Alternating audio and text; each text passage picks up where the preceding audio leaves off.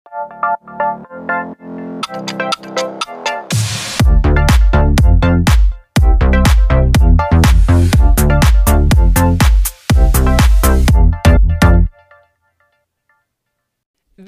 til en ny episode av Avdelingsmøtet. Jeg er Maiken Økland, og jeg har med meg Susanne Bjerger Tordnem. Og vi lager denne podkasten for deg som er interessert i markedsføring og kommunikasjon.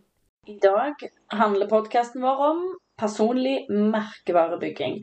Og vi har tatt en prat med selveste Ingrid Bergtun. Hun er syguru. Hun har vært med på Symesterskapet. Hun er gründer, medgründer av Fabric og har gitt ut boka 'Sy med Ingrid og Ingrid'. Jeg tror rett og slett at vi bare hopper rett inn i intervjuet med Ingrid. Enjoy! Hei, Ingrid. Kjekt at du eh, ville være med i podkasten vår. Ja, hallo. Det er så hyggelig å prate med deg igjen. Det er lenge siden nå. Du, Kanskje du forteller litt eh, til lytterne våre om hvordan du har bygd en eh, personlig merkevare?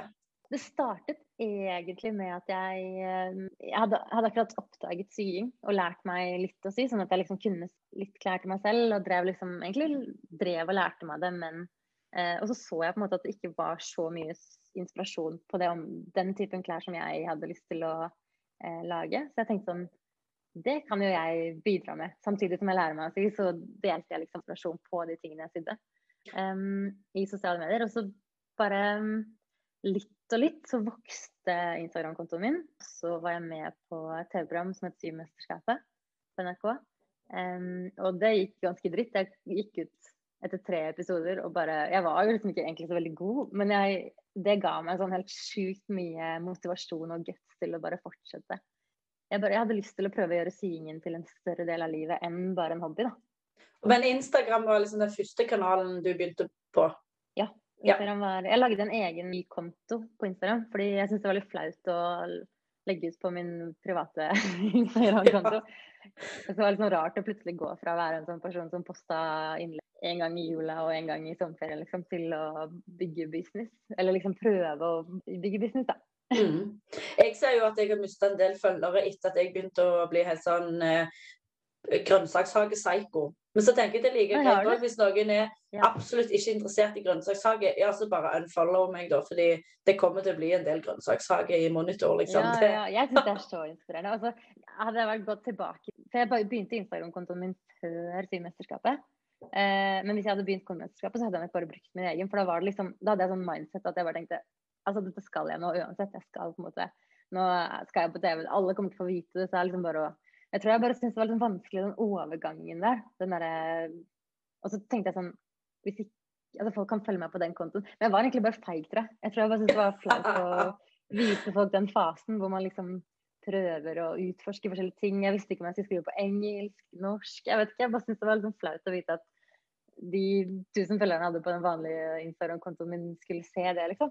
Men det er, så tri det er trist at vi bryr oss så mye om hva andre tenker og syns og mener. For det er jo helt valgfritt å følge deg på Instagram. Så jeg tenker, da når du hadde 1000 og la ut et bilde hver sesong eh, Hvis du hadde begynt å trappe det opp og poste syv ting hver dag, så kunne de jo bare valgt å ikke følge deg.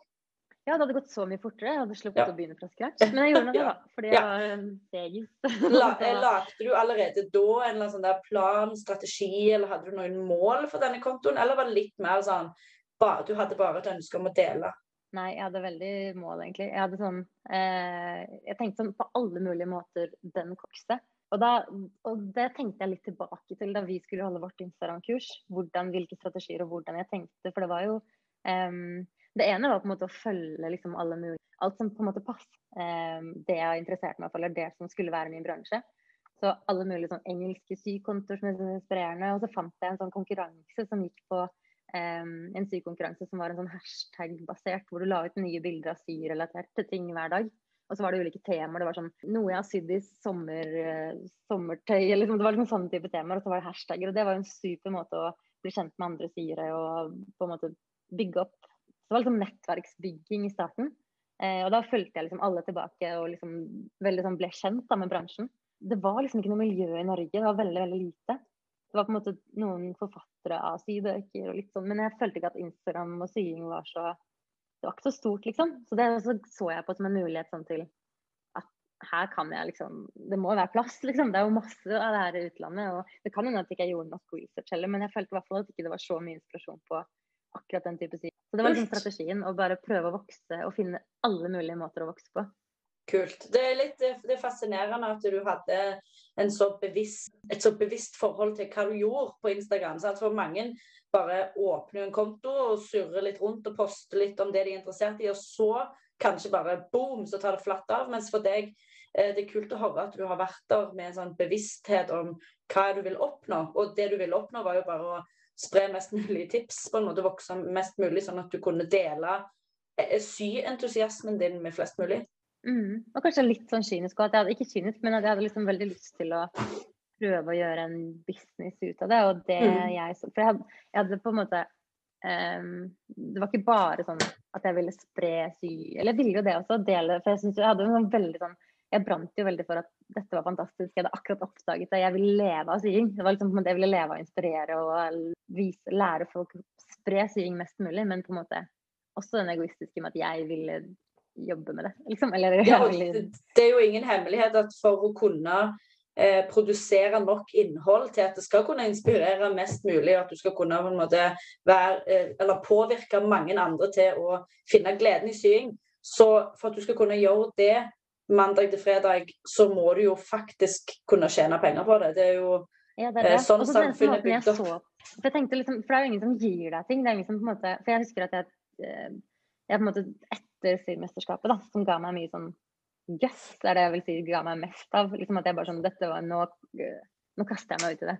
Og så um, etter det så var det liksom på en måte et år et, ja, Nesten Det var tre kvartal, da. Nesten et år. Hvor det gikk fra at det var hemmelig, til TV-programmet begynte. Eller innspillingen til TV-programmet. Og i den perioden her så tenkte jeg den må jeg bare bruke. Jeg husker det var en sånn um, psykolog som snakket med oss på Symesterskapet. som var sånn, og Han være, han var psykolog i, på Idol og på masse forskjellige reality-programmer.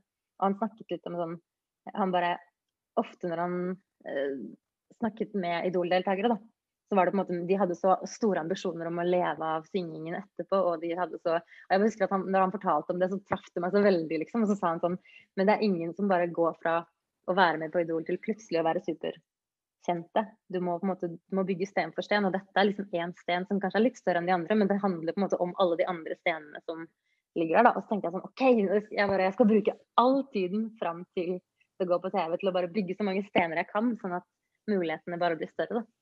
Oh, så, så det var kult. Eh, super eh, Jeg husker så sykt godt den samtalen med han. så bra da at det er så ordentlig for, ordna forhold. Men eh, ja. hva, hva, er ditt tips til de som eh, sitter litt på gjerdet og lurer på om de skal tørre, de som ikke får det der selvtillitsboosten som du fikk av uh, symesterskapet? Har du noe sånn et visdomsord, eller?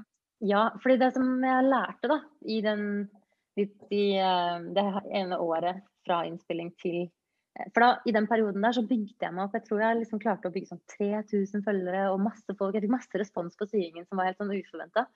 Og på en måte fra null til det. Og det ga meg så utrolig mye selvtillit i at dette er kult, og dette er Da tenkte jeg sånn jeg hadde kanskje klart det helt uten symesterskap. Liksom. Eller sånn, den, selv, den trygge tyngden der, da. Eh, for det var jo før det kom på TV, før noen visste. Så da var jeg på en måte bare en vanlig person som delte syn i sosiale medier. Og så Det er jo på en måte fortsatt, men, men eh, jeg tror at det å kaste seg ut i det og tørre kjempe Bare liksom det viktigste tipset. Og så hvis man eh, ser muligheten For det er også når jeg snakka med folk og sa sånn Ja, jeg tenkte jeg skulle prøve å gjøre sying til jobben min da var det på en måte veldig sånn Å ja, OK, lykke til. og så hvis du bare på en måte sitter med en følelse selv av at dette er det Dette kan være noe, og du på en måte prøver å tenke deg ut jeg vet ikke, Litt vanskelig å forklare, men du vet sånn, noen ganger bare sitter du med en følelse av sånn som deg og sosiale medier. altså sånn at Du på en måte, du har mye kunnskap om sosiale medier, du kan hjelpe bedrifter. Det er jo ikke sikkert at noen andre forstår businessmodellen din, selv om du gjør det. Og likevel så på en måte kaster man seg ut i det fordi man man skjønner det. Mm. Eller man tror. Og så er det ikke sikkert at det går. Jeg har gjort sjukt mye som ikke har gått. Eller som på en måte jeg trodde det skulle være. Blant annet så tenkte jeg helt i starten at jeg skulle leve av å selge scrunchies. For det ja. begynte jeg å lage og selge, og da det tar kanskje en halvtime å lage én scrunchie, og så kunne jeg selge de for 60 kroner eller noe. Så det er jo Så profitten er ti kroner kanskje etter skatt og moms ja, og, ja, og etter, utstyr? Og etter liksom, timelønn er tre kroner, til. Det er helt Stemmer det. Ja. ja. Den nytter ikke. Men, men jeg begynte å sy hårstrikker pga. at du inspirerte meg til, ja. med dine scrunchies. Så ja, det, det smitter det der, altså. Mm, men jeg tror heller det var en bedre businessmodell å prøve å inspirere folk til å si og eh, kanskje markedsføre ting man har veldig troa på. Har du gjort noe som ikke fungerte, eller noe du liksom, i gåsetegn angrer litt på?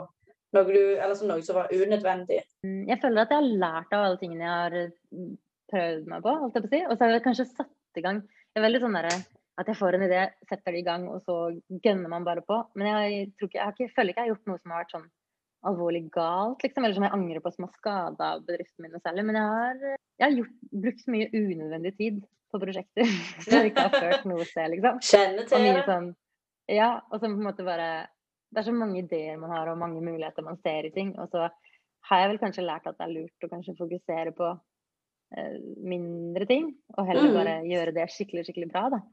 Du, du fokuserer på færre ting, eller du, du uh, bruker tiden din på Eh, Istedenfor å bruke det på ti prosjekter, så bruker du heller all tiden din på to prosjekter. Ja, jeg tenker ja. litt sånn. Nå, men, men, det er, men, det er, ikke helt gjøre. Altså, fordi jeg, jeg har også funnet ut at jeg må sette av tid til, holde av tid til de ideene jeg får og de kreative prosjektene. For det gir meg utrolig mye glede. Og, så, og det har vi snakket mye om i Fabric også. At vi, fordi vi, vi, har, vi er fire profiler som på en måte hver for oss har drevet med det samme. Og bygd opp forskjellige liksom, Eh, og har forskjellige kunnskaper. Og så kom vi sammen, og så følte vi liksom at plutselig så er det mulig å gjøre 20 ganger så mye ting som vi har gjort fram til nå. da. Fordi vi er fire og fordi Og det bare ga oss så utrolig mye sånn både glede og vi har fått til sykt mye, men samtidig så er det også litt sånn skummelt fordi du setter i gang setter i gang så mange prosjekter, og så fullfører man så mange prosjekter. Og til slutt så ender man opp med ikke mer tid til å si, da, som er egentlig det alle brenner for, og alle har mest lyst til å gjøre. Og så, um, så da har vi, nå har vi landa på at vi, må, vi, er nødt til å holde av tid til kalenderen til sånne spontane Instagram-videoideer eller reels. eller liksom Vi må bare holde av tid til å gjøre sånn at vi orker å gjennomføre de morsomme ideene vi har. da. Det er litt kult med dere. Ja, så bra. Det er kult med dere fire som har slått dere sammen til et større maskineri. For dere fire kunne jo nemlig eh, fort ha sett på hverandre som sånn Eh, at det kunne blitt sånn bitre konkurrenter og hata hverandre. Så på hver deres tue og skule litt bort på hva driver hun med nå? Men så har dere heller slått ja. sammen. Og dere har ikke blitt fire ganger så powerful, dere har blitt ti ganger så eh, powerful, ja, tenker jeg. Sånn mm. Mm. Og dere har ganske overlappende publikum òg, for jeg har jo fulgt uh, i alle fall tre av dere aktivt, liksom. Så, mm. Og jeg er nok ikke den eneste som uh, følger to eller flere av dere fire fra før av.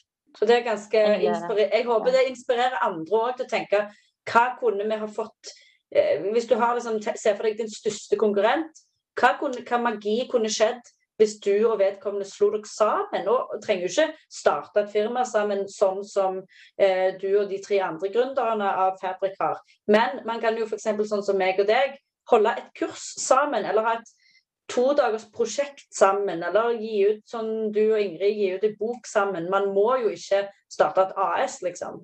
Mm, nei, og fordi det er litt sånn Jeg og Ingrid har jo jobbet sammen lengst av alle Fabric-gjengen. Eh, men Og vi på en måte har jo liksom drevet med akkurat det samme, startet akkurat samtidig. Vi var med i Syvmesterskapet sammen. Og heter det samme òg. Liksom, heter det samme. Det er liksom helt tullete. Men vi, og grunnen, jeg tror grunnen til at vi har klart oss begge to og liksom eh, og fortsatt liker å holde på med det vi driver med, er fordi vi har tidlig bestemt oss for å samarbeide, og um, at vi liksom at vi får så sykt mye mer ut av det. Og i starten så samarbeida vi også like tett som vi gjør nå, men da var det mest sånn bare på telefon. Bare på liksom at vi, vi gjorde ingen felles prosjekter. Fordi jeg bodde jo i Stavanger, sånn som deg. Eh, og så bodde hun i Oslo. Og, um, og, vi var liksom ikke Det var ikke noe naturlig jeg la ut de syprosjektene jeg holdt på med, og Ingrid la ut de syprosjektene hun holdt på med. Det var liksom veldig lite kommersielt, og det var ingen sykurs, det var ingenting vi egentlig tjente penger på. Det var liksom bare sying. Og så etter hvert som vi begynte å få liksom muligheter, så snakka vi sammen, og da hadde vi veldig sånn Ja, hvor mye tok du for det sykehuset? Jeg tok det, og det er jo ikke Kanskje vi ikke har prøvd, du har vært mer enn det. Press prisen litt oppover. Vi liksom hjalp hverandre til å på en måte tidlig ha mulighet til å tjene penger, da. Og så kom det en liten periode hvor vi um, begynte å få litt kulere oppdrag. At det var litt fordi at sykurs var kult, men det var det på en måte så mye av at det følte vi liksom, det unna vi hverandre, og det er jo fett, liksom. Men så plutselig kom det en mulighet f.eks. Eh, å være med i et radioprogram, eller være liksom litt sånn på en måte sånn Jeg vet ikke, som vi så på som begge hadde det, liksom ambisjoner og uh, vokse bedriftene våre. Og så merka vi litt sånn at det var sånn Oi, det var ikke like lett å unne det som det var, eller liksom et TV-program, eller liksom et eller annet. Det var liksom ikke like lett å unne som et kurs, da. Og da syntes vi det var på en måte vanskelig, og litt sånn Vi holdt litt på å skrive fra hverandre, men så tok vi en samtale hvor vi bare Vet du hva, det er plass til to, liksom. Vi må bare gjøre sånn at det blir plass til to. Og så um, må vi samarbeide. Hvis, jeg vet ikke, så Vi bestemte oss for å lansere en, et mønster sammen på en jakke.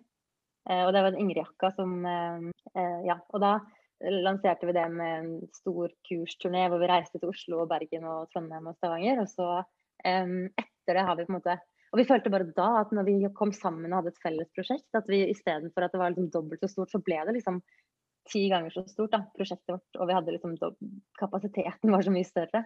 Det er så inspirerende og sykt modig å ta den uh, samtalen der med elefanten i gåsetegn, uh, elefanten i, i, rommet. liksom, Og bare adressere at hei, uh, nå er det sånn som dette. Hvordan kan vi på en måte forbedre eller bedre? Mm. Jeg er helt sjukt glad vi gjorde det. fordi ja. jeg tror ingen av oss hadde orka Vi har snakka om det litt sånn i ettertid, at ingen av oss hadde egentlig orka å holde på sånn hvis man skulle liksom hele tiden følt Jeg tror nesten vi hadde funnet oss noe annet å gjøre. Ja, pluss at dere, ja, dere sammenligner jo Det er veldig naturlig at dere hadde sammenligna dere med den andre, men folk utenfor òg sammenligner jo dere med hverandre. Så mm. ja, dette tror jeg jo og tror håper kan være til inspirasjon til andre òg. Jeg, jeg, jeg, brenner sånn for det med samarbeid at det her er bare en mm. nydelig historie, syns jeg. Du, hva er topp tre ting å tenke på hvis du eh, har lyst til å bygge Eh, en personlig merkevare. Eh, si at du allerede er liksom litt i gang, du har lagd deg en Instagram-profil, du har funnet ut hva du brenner for og hva du driver, har lyst til å drive på med. Men hvor går du fra eh, liksom 200 følgere til 2000, på en måte? Den reisen der. Hva er topp tre ting å tenke på da? Um, å, dette var vanskelig spørsmål, Susanne. Jeg tror altså Jeg tenker jo den, Det som jeg sa i stad med å bygge nettverk innenfor din nisje, er veldig veldig viktig. Selv om du altså selv om du ikke interesserer deg egentlig, eller tenker at du blir, bli venn med liksom, at du, jeg vet ikke, sånn For min del, hvis man skal sammenligne med sying, så er det jo mange forskjellige måter å sy på. Og jeg fulgte ukritisk alle fordi jeg ville ha nettverk og ville bli kjent og ville liksom genuint meg bli, liksom, skape, skape, skaffe meg kunnskap liksom, om bransjen om i sosiale medier. Så det tror jeg er veldig viktig. Ja. Um, og veldig, veldig mange av de som jeg da begynte å følge, er liksom blitt venner med og gode venner i dag. Og som jeg på en måte, det er gøy å følge reisen deres også, på en måte.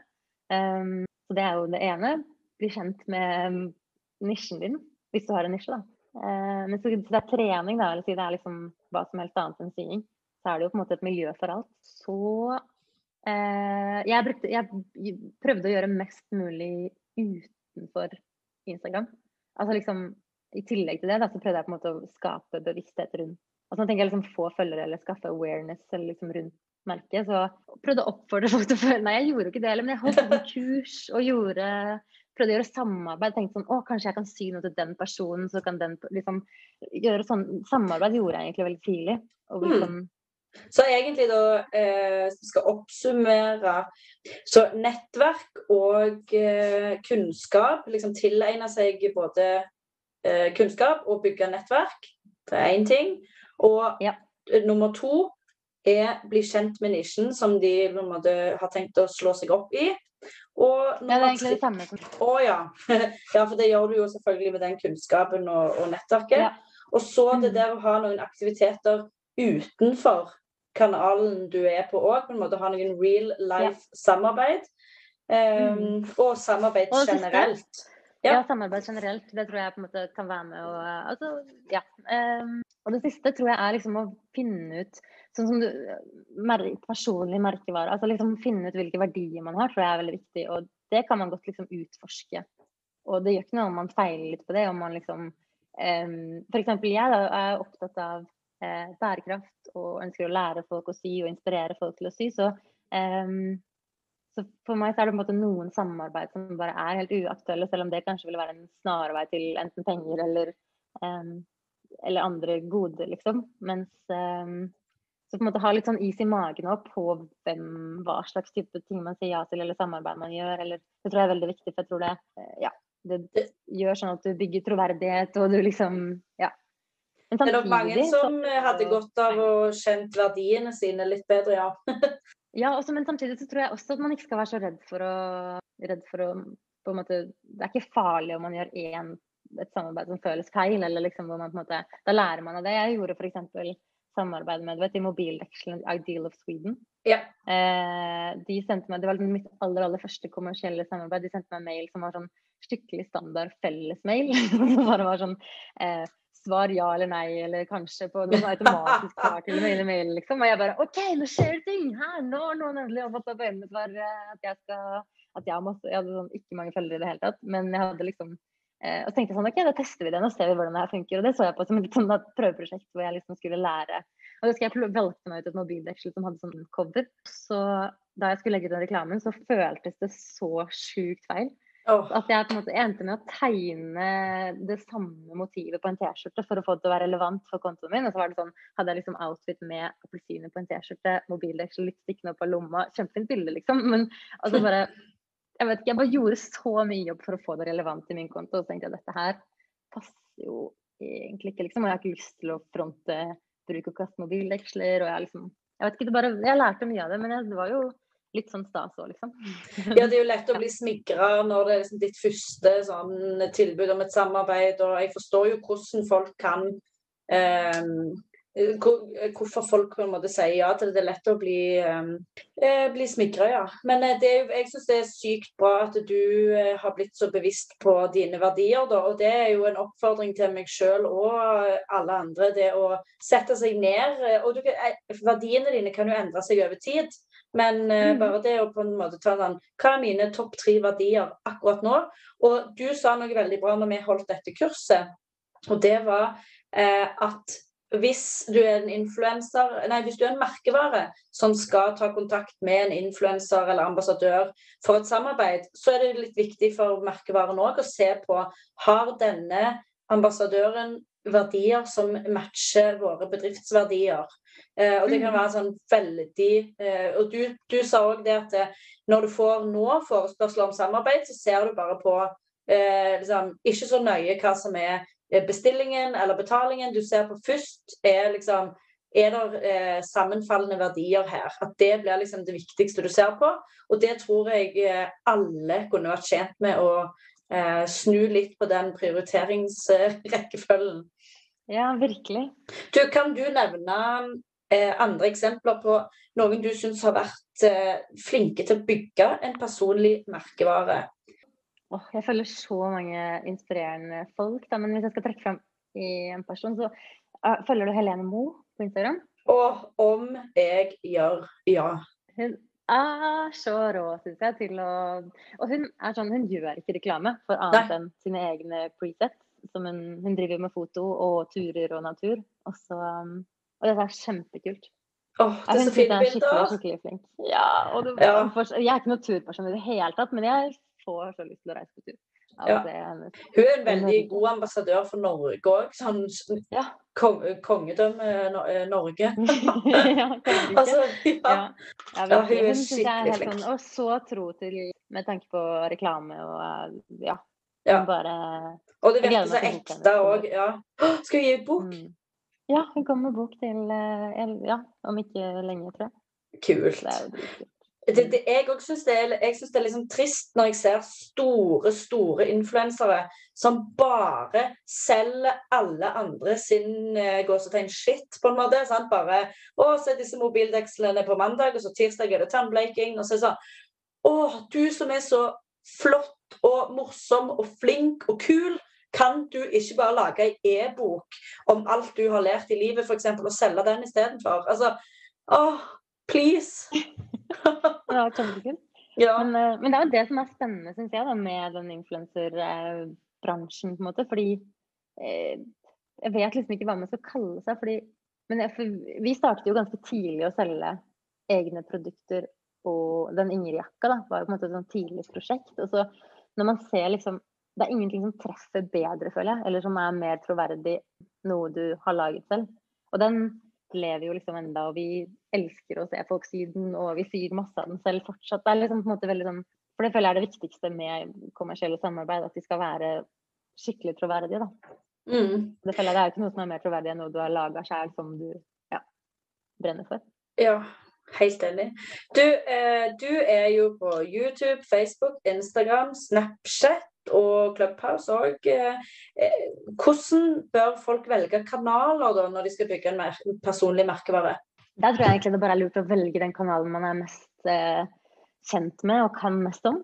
Også, og litt sånn på en måte med tanke på hvem man ønsker å nå ut til, hvem er målgruppen. For det er jo veldig forskjellige målgrupper på forskjellige kanaler. Jeg snakket akkurat med Ingrid om det i stad, fordi vi var veldig eh, Både jeg og hun var veldig tidlig ute på TikTok. Um, og da la vi videoer og liksom bare testa. Oi, gøy, spennende med et nytt sosialt medium. Og så la vi ut liksom syv videoer. Og, um, og begge to har store kontoer på TikTok. Men det er så dette stemmer. Det var du som fortalte meg om TikTok, og jeg bare Ja! «Hva, Skal jeg tørre å lage en profil? Og jeg har definitivt ikke satsa på TikTok, for å si det sånn. Tror jeg har tolv følgere. Er er sånn, Kult. eh, jeg har liksom flere følgere på TikTok enn jeg har på Instagram. Um, Seriøst? Hvor mange har du på Ja, jeg har TikTok? 60, 60 000 følgere. Og så har det foreløpig på en måte ikke Og det er liksom helt OK, fordi det er en helt annen kanal, og det er liksom andre Men det er liksom ingen kommersielle samarbeid eller muligheter som Ingen ønsker TikTok. Ingen på en måte ser på det som en stor, verdifull plattform, selv om videoene kan ha liksom Jeg har flere videoer som har sånn 400 000 views. Og det er jo helt sånn helt ville vilt. tall sammenlignet med Ja. Instagram, men alle vil ha Instagram. Så jeg tenker sånn, nå snakket, Jeg og Ingrid snakket om det i dag, at det er så morsomt, fordi nå på Clubhouse, der har du alle takerne i bransjen, liksom. Du har på en måte alle som Så hvis man på en måte vil være et sted hvor man kan knytte connection som gir deg jobber, da, hvis du er en influenser, så tror jeg Clubhouse is the place to be. Men bare for å lage innhold, så er det TikTok eller andre kanaler. Men det var bare en digresjon. Men det er bare litt morsomt å se hvor mye det har å si hva slags type publikum som er på de ulike plattformene. Med tanke Mm. på hva det fører til av eh, nettverk og muligheter. Da. Fordi på TikTok er det jo veldig mange unge, unge folk som på en måte ikke er beslutningstakere når det kommer til hvem man skal Men det kan hende de er blodfans av liksom sying. Ja, og men de vokser jo opp, eh, de vokser jo opp, de òg, får sine egne penger og plutselig kan kjøpe bok og de, eller et eller annet sånt. Så Litt sånn tilbake til spørsmålet ditt, jeg valgte litt av, men det er så spennende at vi snakker om akkurat det i dag. Men eh, jo, jeg, jeg tror liksom at man burde bruke den kanalen man er mest eh, kjent med, og den man liker best. Og så er det litt sånn, burde man vite om forskjellene, da. Sånn som um, Clubhouse er jo en helt super måte nå å bygge nettverk på hvis man liksom Hvis man er litt sånn Hvis man tør å prate, og hvis man liksom kaster seg på litt samtaler. Og så er det jo eh, Instagram som er liksom kanskje den plattformen som jeg føler at er min hovedplattform, selv om TikTok er en større, større følgebase. Eh, ja, Og så YouTube, eh, der føler jeg pass... Ja. Ja, nei, bare fortsett. Nei, jeg bare skulle bare si til YouTube, Der syns jeg det passer med litt sånn lengre beskrivende videoer. Så Der er det på en måte innholdet som bestemmer, gjør at jeg er der, da. Ja. Eh, apropos Instagram, har du noen tips og triks eh, der? F.eks. reels? Har du noen eh, råd å komme med når det gjelder reels? Ja, altså jeg har tenkt mye på etter foredraget vårt, fordi jeg lærte mye av deg og research som vi gjorde, og liksom i forbindelse med på en måte å sette Instagram litt i system, på en måte, eller lære Ja. seg for å formidle videre. da. Fordi jeg hadde jo mest erfaring med liksom kommersielle samarbeid-delen av det, men ikke selve hvordan funker appen. Der hadde jeg bare utforska meg fram. Og da lærte jeg jo av deg Susanne, at man må ta i bruk alle funksjonene til Instagram, og gjerne så tidlig som mulig. Eh, så etter det så har jeg på en måte tenkt sånn, ok, da tester vi det. Prøver å ha mer liksom giffer og jeg vet ikke, alt mulig sånne ting som jeg bare hadde brukt litt sånn sporadisk tidligere, mens nå har litt sånn kanskje testa ut om det faktisk hadde noe å si for rekkevidde og engasjement. da.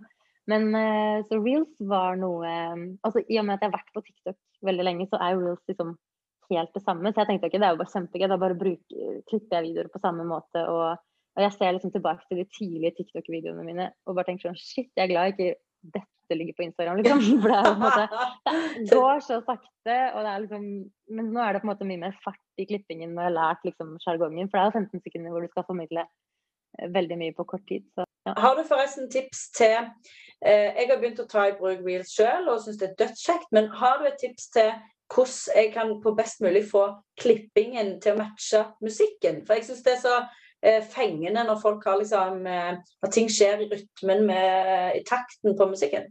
Ja, det har jeg tips på. Eh, der pleier jeg å altså, For å gjøre det, så pleier jeg å eh, filme sangen på TikTok. For der kan man laste ned filmer med musikk. Det kan man ikke på Instagram. Og så klipper jeg filmen i InShot, som er en app som jeg syns er helt fantastisk å klippe i på mobilen. Så mm. får jeg det til å matche, og så inne på Instagram igjen da, så legger man på samme musikken. Bare med Instagram ja, sånn at man gjør det lovlig, liksom. Ja. Men da at man har på en måte sett opp, fått det til å mikse og matche, og da vet man hvor musikken starter og skal stoppe, og man kan klippe ja. til sånn at man akkurat Jeg lagde faktisk en video hvor jeg hopper i en, en sånn badestamp på hytta, hvor jeg hopper ut fra taket på hytta i, uh, med å ha på meg en dress som jeg har sydd. Og så idet jeg lander i bassenget, så har jeg på meg badedrakt. Og da var det sånn Da traff vi liksom akkurat på musikken. Det var Martines, samboeren min, sin idé, da, den filmen. Og det var veldig gøy. Det er liksom gøy å bruke musikk som et virkemiddel. Så ja. Så du limer altså eh, lydsporet inn i InShot? Ja. ja. Og så lar du det spille der mens du redigerer, sånn at du ser hvor ting treffer? Sånn jeg redigerer i... hele i InShot.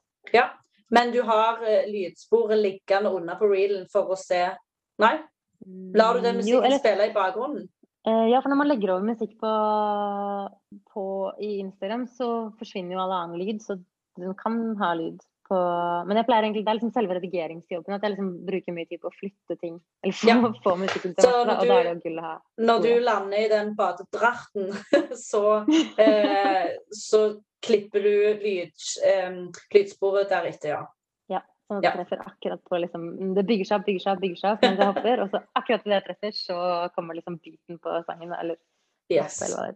Kult. Ja, det var et godt tips. fordi Eh, jeg har jo tenkt ja, jeg kan gå inn på Spotify, starte sangen, sitte klar, og så liksom redigere. Men eh, det var et veldig godt tips det å ta lydfiler inn i InShot mens du redigerer. Ja, for du kan, du kan legge hele filmen inn i InShot, og så kan du eksport, eller liksom fjerne lyden fra klippet. Og så kan mm. du legge lyden oppå det nye klippet. og så klippe. Ja. Smart. Veldig, veldig Teknisk. smart. veldig jo, men det er uh, the devil's in the details. Ja. Eh, har du tips til noen eh, kule nye apper, eller eh, ja? Um, ja, InShot er jo den snakket vi akkurat om. Uh, Syns jeg er helt fantastisk å klippe. Jeg har lært meg Premiere Pro uh, i korona nå for å lære meg å klippe videoer proft, men lander veldig ofte på å bruke InShot. Og det er det hele Fabric-gjengen bruker til å klippe alle video, alle syvideoene. Det er liksom InShot. Du gjør alt basically i InShot, bare du er litt kreativ. Mm.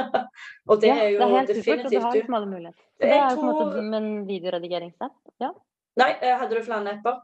Eh, ja, og så er det en Jeg har fått meg iPad med sånn tegneblyant, holdt jeg på å si. iPad Air, og, og der er Procreate helt fantastisk. Det, liksom, det bruker jeg mye til å tegne skisser og um, ja, det er ikke så veldig sånn, Men jeg bruker mye det zoomet for å vise hva jeg planlegger å si. Kult. Det, men da kan du drodle litt opp og hvis du bare er en person som tar bilder av ting og tang, og ikke akkurat kan tegne svære ja. mm -hmm. ballkjoler, sånn som du kan, så kan du bare drodle litt og tegne noen sånne streker, kule streker over bildene dine, f.eks.